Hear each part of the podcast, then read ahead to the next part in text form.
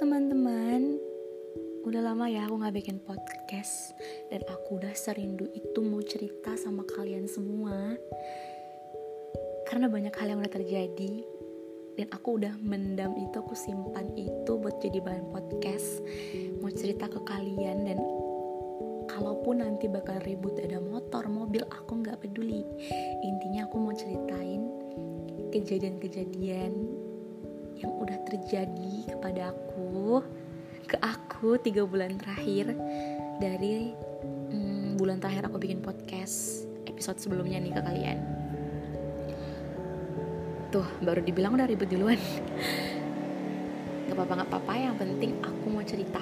Aku mau cerita sama teman-teman semua dan kalian harus dengarkan. Sesuai dengan temanya nih terkhususnya Agustus dan berkatnya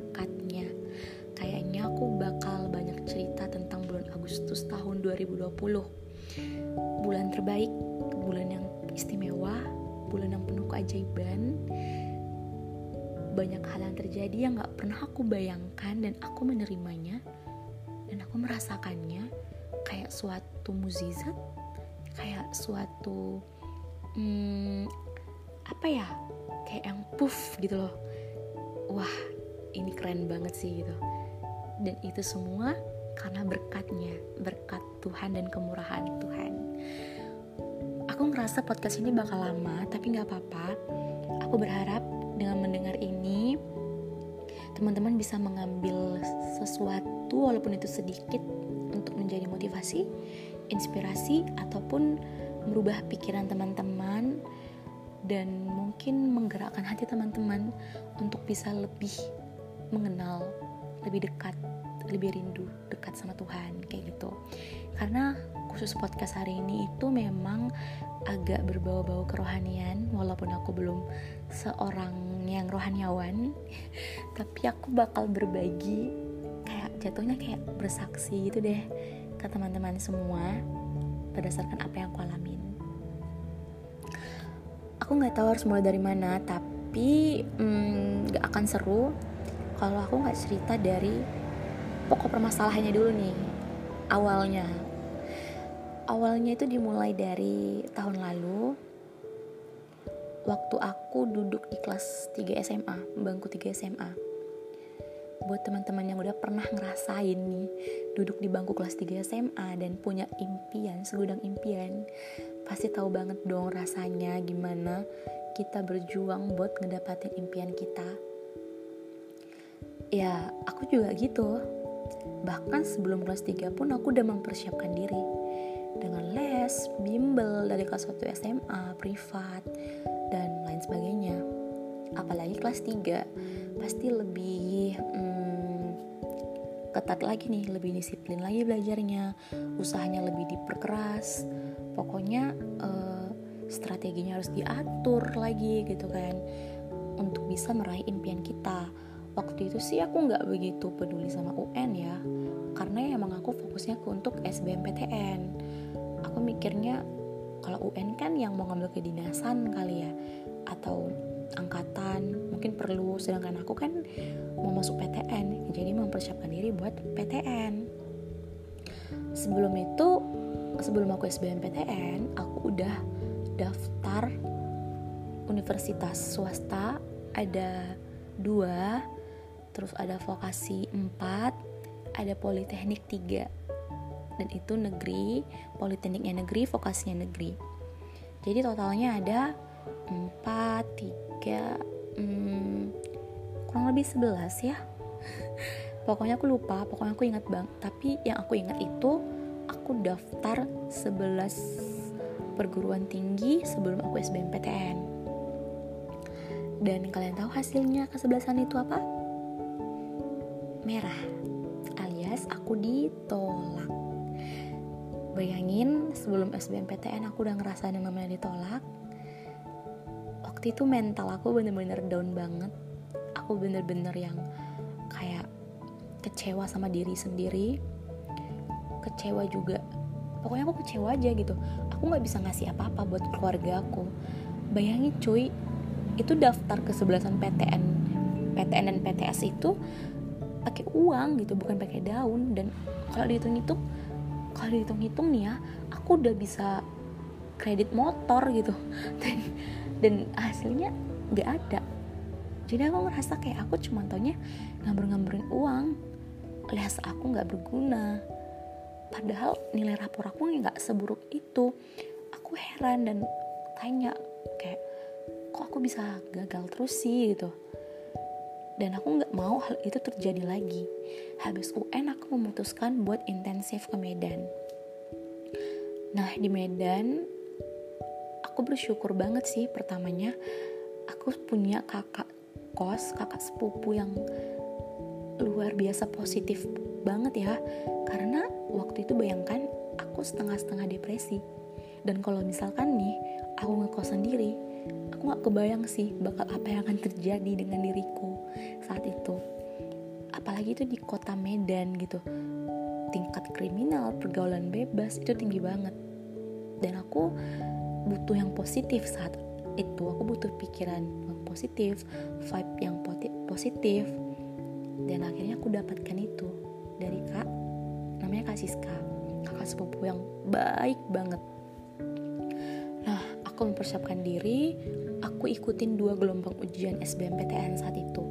Dan aku berharap nilai aku mencukupi untuk bisa mendaftar ke PTN yang aku mau gitu.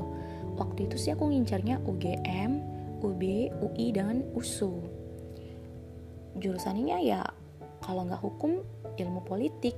Emang itu yang aku mau. Aku tulis tuh di kertas di binder itu penuh. Terus dulu juga kelas 3 waktu aku masih di rumah di meja belajar aku tuh penuh dengan semua visi misiku dengan semua lambang-lambang PTN yang aku mau. Pokoknya bener-bener berambisi banget lah gitu. Karena jujur aku orangnya kata orang sih begitu ambisius ya. Tapi waktu keluar nih nilai SBMP nilai UTBK sebelum aku SBM kan kan keluar dulu nih nilainya. Nilainya tuh nggak seekspektasi aku nggak yang aku bayangkan. Bahkan itu nilainya nggak cukup untuk masuk ke PTN yang aku mau. Aku udah tahu nggak cukup dan kalau aku tetap daftar ke situ sama aja dong aku bunuh diri. Dan aku nyari main lagi buat ditolak. Wah saat itu aku udah deh hilang. Kalian pernah nggak sih ngelasa ngelihat dan ngerasain orang yang kehilangan harapan. Kayaknya aku waktu itu di posisi itu gitu. Aku nangis aku minder aku malu buat ketemu teman-teman. Aku wah pokoknya aku nggak bisa ngomong lagi deh. Dan yang lebih fatalnya lagi adalah waktu itu aku ingat banget aku nggak mau daftar SBMPTN tapi keluarga aku tuh selalu bilang daftarkan aja. Tapi nyari aman jadi di PTN yang peluangnya besar banget gitu karena peminatnya sedikit. Aku mikir beribu-ribu kali buat daftar ke sana karena aku nggak pernah ngebayangkan kalau aku bakal di tempat itu. Itu bukan sama sekali nggak masuk ke list aku. Sedikit pun gak masuk gitu. Jadi wah nggak deh kayaknya aku nggak mau deh. Nggak daripada aku di sana mending aku gap year waktu itu aku mikirnya gitu kan. Tapi setelah aku lihat gitu kayak orang tua aku tuh keluarga aku juga semuanya marah. Kayak yang bukan marah sih tapi yang ngomong kalau nggak kuliah malu lah gini gini terus kalau nggak pokoknya kalau nggak kuliah nggak tau lagi lah dep gimana. Gini lah Dep gitulah Dep. Dan itu yang bikin aku kayak oh ya udah deh mungkin aku harus merendahkan impian aku menurunkan impian aku jangan terlalu tinggi. Dan aku ingat banget satu jam sebelum penutupan SBMPTN baru deh aku pilih jurusan dan PTN yang aku mau yang aku pilih gitu yang dipilih keluarga deng karena aku emang sama sekali nggak mau di situ. Terus aku pilih jurusannya hukum. Yang keduanya aku pilih hubungan internasional kalau nggak salah. Aku juga lupa. Terus aku masa bodoh dah. Aku tahu kalau itu aku bakal diterima. Aku daftar SBM aku tahu bakal hasilnya adalah selamat. Bukan aku pede bukan aku sombong. Ya karena memang aku udah yakin kalau itu dapat. Jadi aku ngabaikan aja dan mempersiapkan diri buat utul UGM SIMA UI dan Mandiri USU aku ingat banget aku simak aku pergi jantarin kakak sepupu aku. Terus aku ujiannya itu dari pagi sampai sore. Wih itu keren banget sih. Terus aku utul juga. Yang lebih parah lagi itu mandiri usu. Aku sampai datang ke biro usu pusat pelayanan usu karena sandi aku salah akun aku nggak bisa dibuka terus aku cek lokasi hujan-hujan. Terus aku lari-lari di USU terus aku bilang kalau ini bakal jadi kampus aku. Itu lebay itu memalukan. Tapi emang itu yang aku lakukan saat itu. Karena aku tuh yang kayak udah ngomong gini loh di USU tolong deh semesta aku pengennya di sini gitu. Aku aku nggak mau gitu. Jangan sampai SBM aku di tempat yang aku pilih di SBM tolong deh tolong. Pokoknya itu hujan-hujan aku nangis.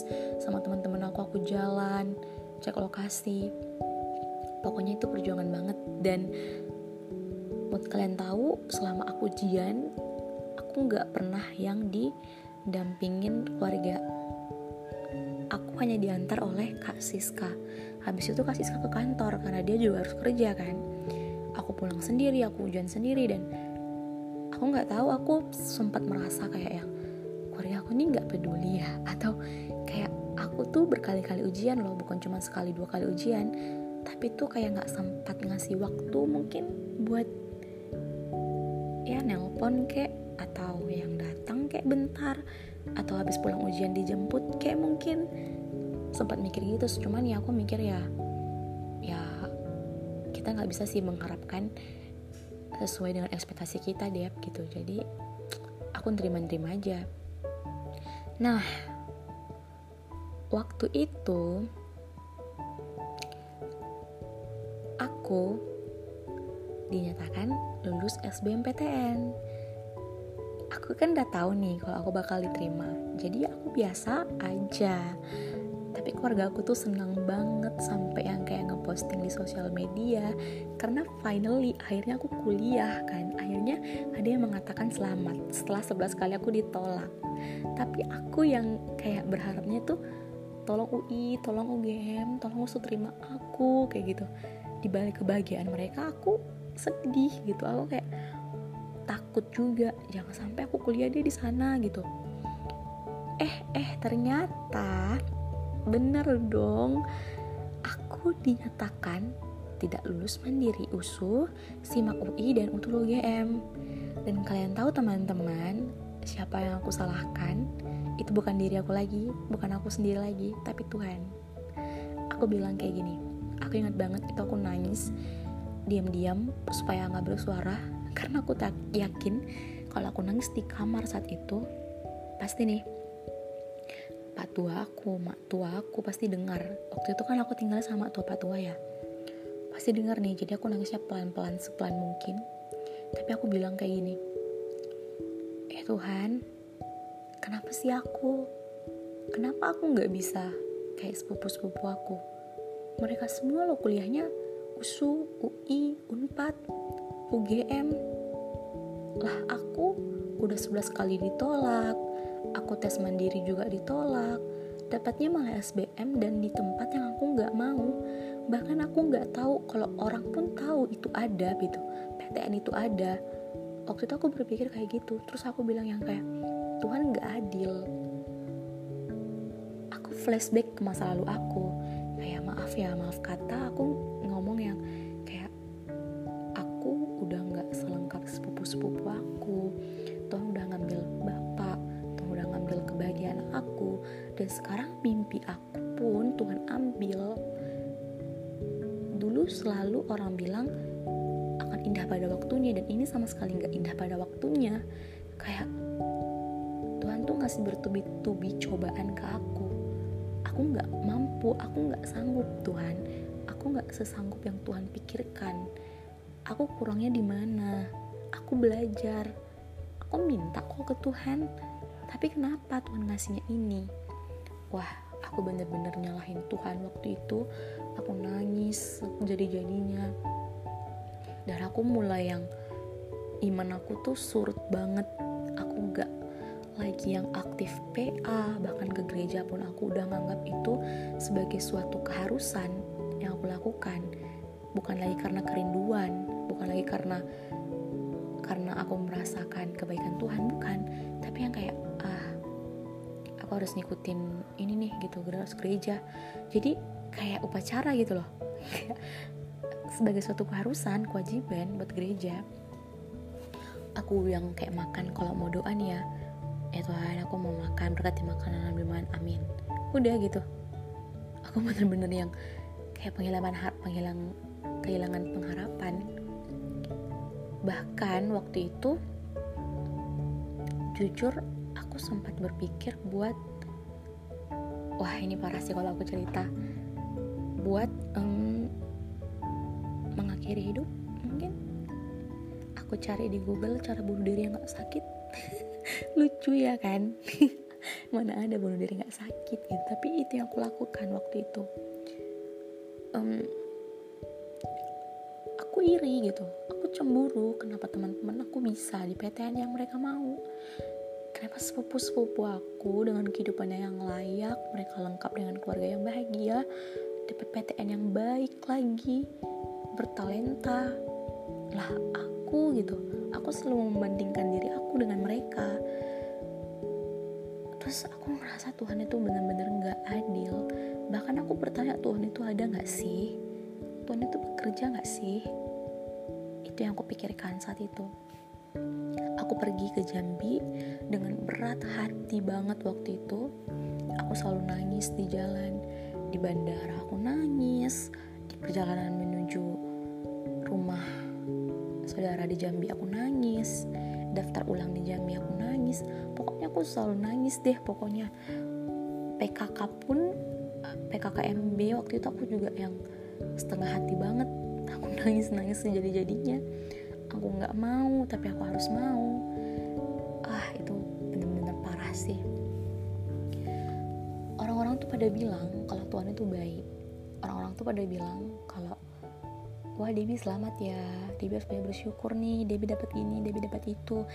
Tuhan mau pakai Debbie di tempat itu. Buat aku itu semua omong kosong. Saat itu buat aku itu semua bullshit. Karena mereka nggak di posisi aku. Bahkan aku nggak ngaca dengan teman-teman aku yang gagal SBMPTN aku sama sekali nggak ngaca ke mereka gitu. Kalau dulu aku ngaca pasti aku bersyukur kan dengan apa yang aku capai. Tapi itu sama sekali enggak berjalanlah terus aku di waktu Jambi gitu. Aku bener-bener belum bisa mengakui diri aku ada di tempat yang baru ini gitu. Berapa bulan ya aku jauh banget dari Tuhan. Aku mengakui itu aku selalu bilang kalau Tuhan itu jahat Tuhan itu gak adil. Sampai akhirnya aku ulang tahun tanggal 17 November yang ke-18 waktu itu aku nangis malam-malam pergantian tanggal. Aku bilang gini Tuhan aku mau nyoba lagi nih SBM tahun depan dan aku mohon kasih aku kesempatan. Harus karena aku nggak suka di sini. Dan Tuhan harus nempati janji Tuhan. Tuhan udah ngambil semuanya dari aku. Tuhan ngambil kebahagiaan aku. Dan Tuhan harus kasih aku kali ini apa yang aku mau gitu. Waktu itu aku berpikir kayak gitu. Aku nangis malam-malam. Terus aku mau tidur. Aku mau tidur pas aku mau tidur tiba-tiba ada yang ngetok pintu nih di kos. Dan ternyata itu adalah teman-teman aku ngasih surprise. Nah saat itu aku nggak nyangka gitu. Aku nggak nyangka kalau mereka bakal ngasih aku surprise kayak gitu. Kiki, Wella, Nurul, Wahyu, Ray, Dennis, Nomi, Lia aku nggak nyangka banget kalau mereka bakal ngasih aku surprise yang kayak gitu karena aku nggak pernah ngebayangin. Aku nggak suka di sana dan saat itu aku pun setengah hati untuk menjalani semuanya sama mereka gitu. Tapi mereka kasih aku kasih yang begitu luar biasa. Nah setelah selesai itu besoknya aku mulai ngerenungin diri gitu. Kayak yang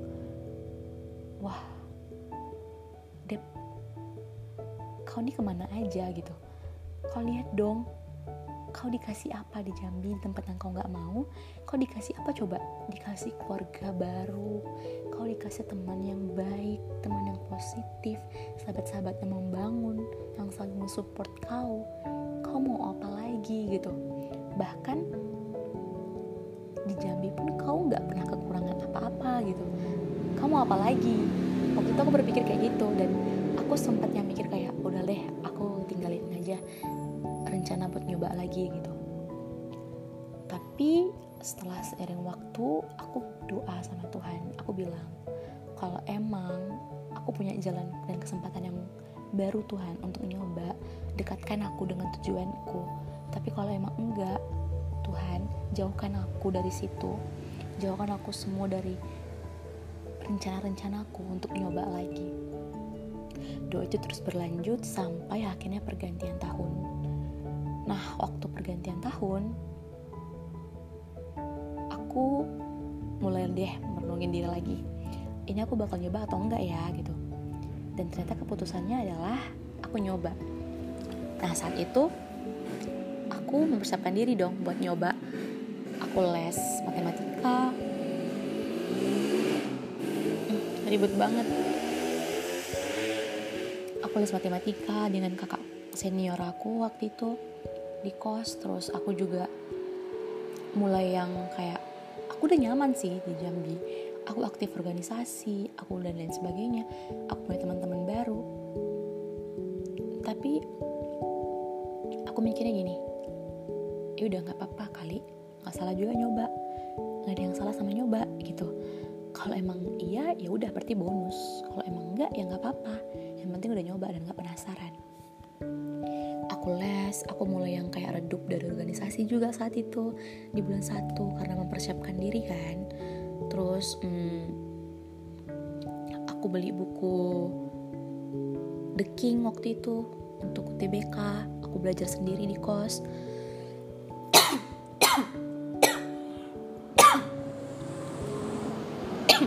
Sorry. Sorry weh terus aku uh, apalagi ya? Oh ya di kampus juga aku belajar. Dosen lagi nerangkan aku pakai handset nih dengerin Zenius. Waktu itu aku inget banget. Emang itu nggak nggak perlu dicontoh ya tapi aku melakukan hal itu kan. Sampai deh aku di bulan 3 waktu itu corona ya. Jadi aku harus pulang ke rumah juga kan kuliah diliburin. Nah di rumah aku nggak nyerah aku belajar aku mulai ikut TO TO pokoknya tuh tiap hari pasti aku bakal ikut TO TO yang gratis TO yang berbayar. Aku selalu ikut itu. Terus waktu udah mulai makin dekat nih untuk UTBK satu bulannya aku mulai dengan renungan harian. Aku mulai saat teduh aku mulai puasa waktu itu aku minta jalannya dari Tuhan. Kayak Tuhan kalau ini memang untuk kebaikan Tuhan untuk kebaikanku dan untuk rencana Tuhan untuk kemuliaan nama Tuhan izinkan aku untuk dapat di tahun ini. Tapi kalau itu bukan buat kemuliaan nama Tuhan wah mendingan aku nggak usah dapat. Karena aku ngerasa hidup aku itu emang untuk Tuhan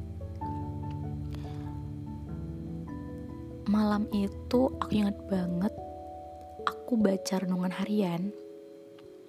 Isinya tuh gini.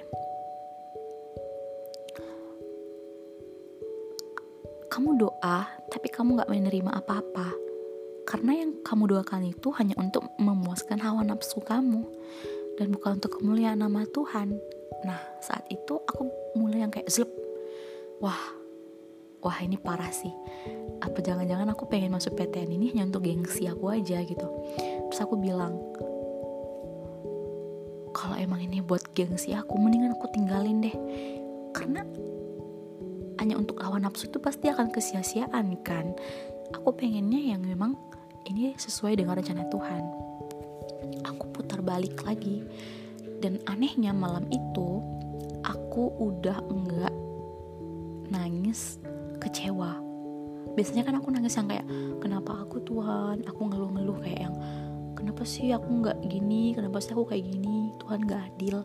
Tapi malam itu satu bulan sebelum aku TBK waktu aku renungan harian aku yang berpikir kayak gini.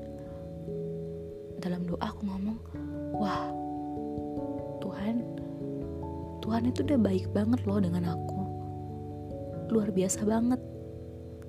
Tapi apa yang udah aku lakuin ke Tuhan itu jahat. Dan itu patut dihukum. Tuhan layak buat marah ke aku. Aku bilang Tuhan gak adil aku bilang Tuhan gak bekerja aku bilang Tuhan gak ada. Aku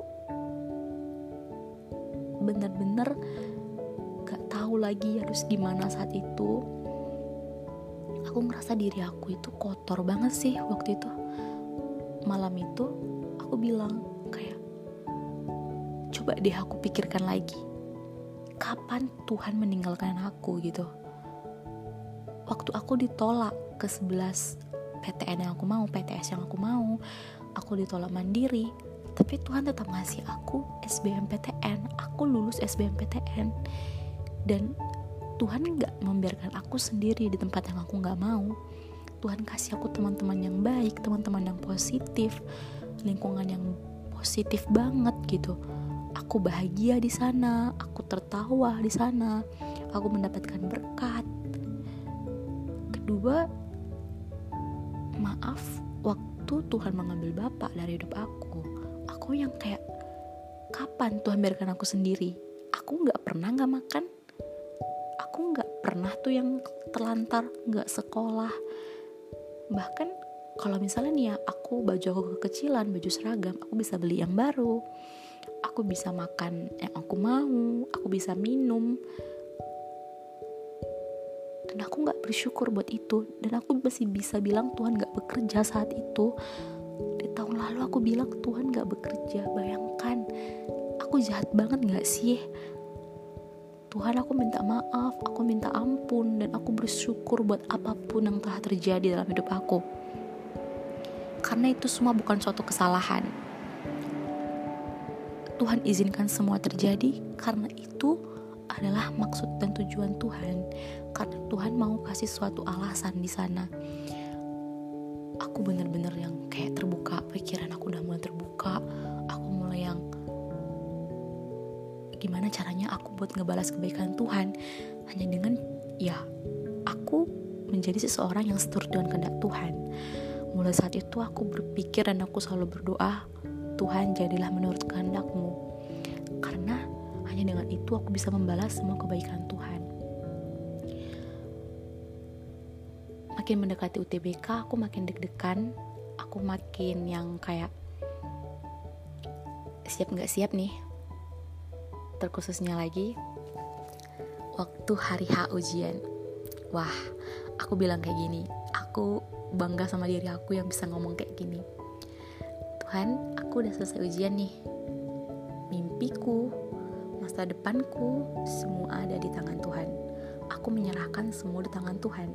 Dan ketika aku sudah menyerahkan aku percaya Tuhan bekerja. Aku tunggu jawabannya Tuhan di bulan depan. Aku bilang kayak gitu Sambil nunggu jawaban, aku mulai mendekatkan diri karena aku tahu bahwa kita harus mencari kerajaan Allah dulu, maka semua akan diberikan kepada kita. Aku mendekatkan diri, aku mulai puasa, aku mulai bilang kayak kalau jawabannya enggak, aku percaya Tuhan punya rencana yang indah buat aku di Jambi.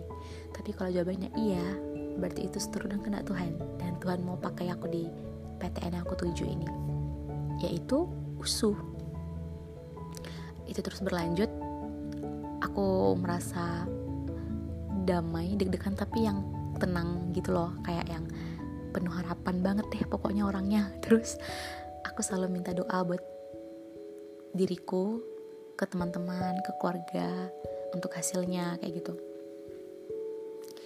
Nah waktu itu wah ini panjang banget ya ceritanya keluar deh pengumuman SBMPTN aku nggak berani buka saat itu. Karena karena apa ya? Karena karena aku takut aja gitu. Jadi aku nyuruh teman aku yang bukain kan Elma namanya. Dan kalian tahu dong hasilnya adalah aku dinyatakan lulus USU Universitas Sumatera Utara. Aku kayak wah keren you got it Debbie akhirnya kau dapat gitu. Apa yang udah kau harapkan kau dapat. Aku nangis aku sujud aku nggak tahu gimana.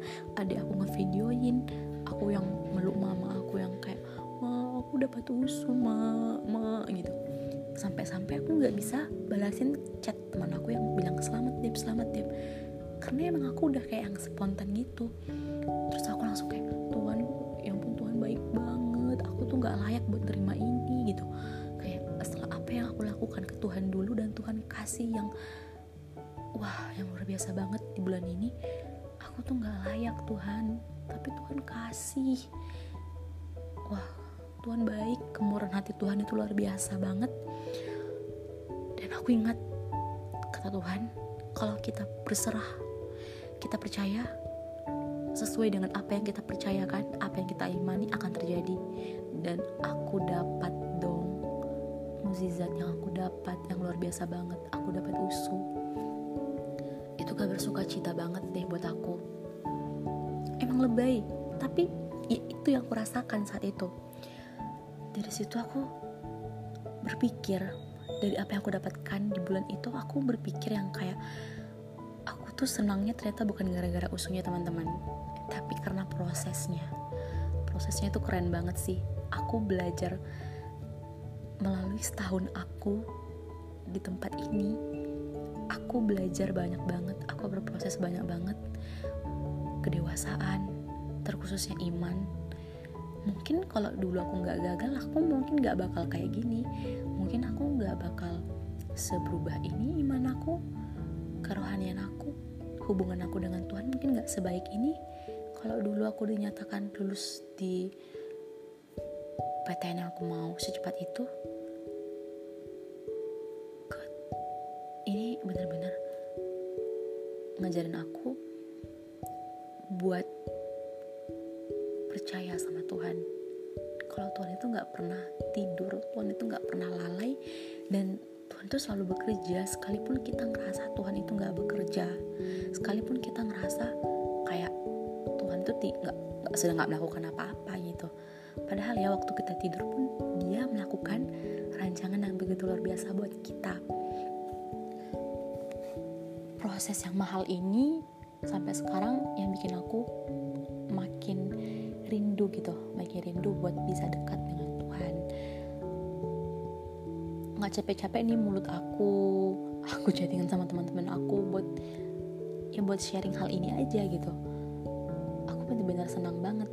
Dan yang lebih baik yang lebih bikin aku wownya lagi ternyata dengan dapatnya aku SBM ini banyak banget teman-teman yang ngechat aku nge-DM aku kayak Dep bagi tips and triknya dong gini-gini.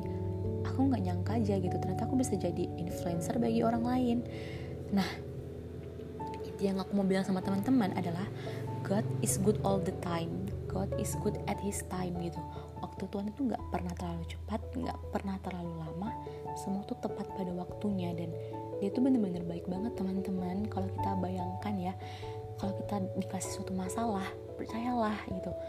Bahwa masalah yang terjadi itu bertujuan untuk mengajarkan kita suatu kebijaksanaan, suatu iman yang lebih lagi untuk mendatangkan kebaikan gitu.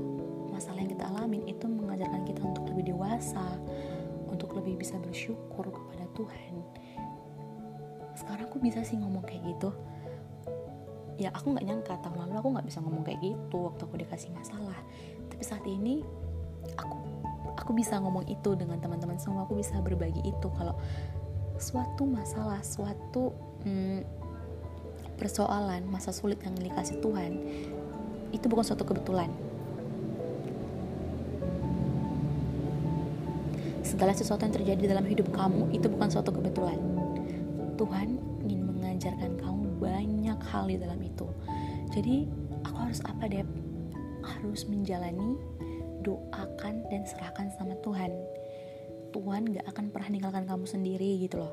Sekalipun kamu ngerasa itu masa sulit kamu kayak aku. Aku gagal aku kehilangan orang tua aku frustasi tapi Tuhan gak pernah ngasih itu semua untuk aku tanggung sendiri. Dia selalu ada sama dengan aku dia selalu bersama dengan aku. Buktinya dia selalu kasih aku berkat dia selalu kasih aku kemurahan orang-orang yang baik di sekitar aku. Wah aku kalau ngomong ini nggak bakal habis-habis nih. Intinya tuh teman-teman kalian harus aduh bersyukur deh sama Tuhan berserah sama Tuhan dan percaya sama Tuhan. Kalau Tuhan itu baik banget baik baik baik baik baik baik banget. Kalau kalian saat ini lagi dalam masalah yang bener-bener kalian ngerasa kalian gak mampu ingat ada Tuhan. Kalian tinggal bawa masalah kalian itu ke tangan Tuhan dan percayalah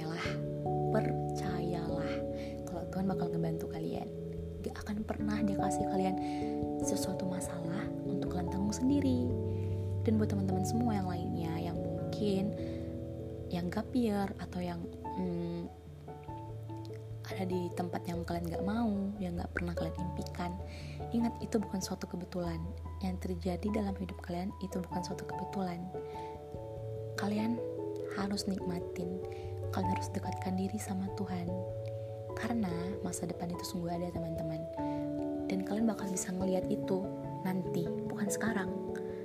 Mungkin beberapa hari kemudian, minggu, bulan, tahun, kalian bakal bisa ngelihat, wah ternyata Tuhan itu baik ya. Kalau aja dulu aku nggak gini kalau aja dulu aku nggak kayak gitu.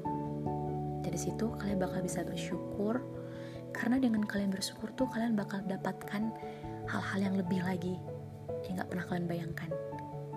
Percaya deh kalau kalian bersyukur nih bersyukur kalian tuh bakal makin dapat berkat yang kayak wah ini keren sih gila nih gitu. Yang nggak pernah kalian bayangkan. Tapi for your information nih berkat itu bukan berarti hal-hal yang baik aja ya tapi berkat itu mencakup banyak hal bukan hanya materi banyak hal berkat kayak yang masalah itu pun berkat. Karena masalah yang membawa kalian menuju ke menangan menuju ke dewasaan menuju hal yang lebih baik kayak gitu kayaknya ini panjang banget ya teman-teman podcast aku malam hari ini dan aku nggak tahu apakah kalian bakal bosan ngedengerinnya atau enggak tapi semoga ini bisa menemani kalian, menginspirasi kalian, dan mengingatkan kalian bahwa God is good all the time. Tuhan itu baik setiap waktu. Tuhan dan waktunya adalah yang terbaik. Imani, percaya, berserah. Thank you. God bless you. Mwah.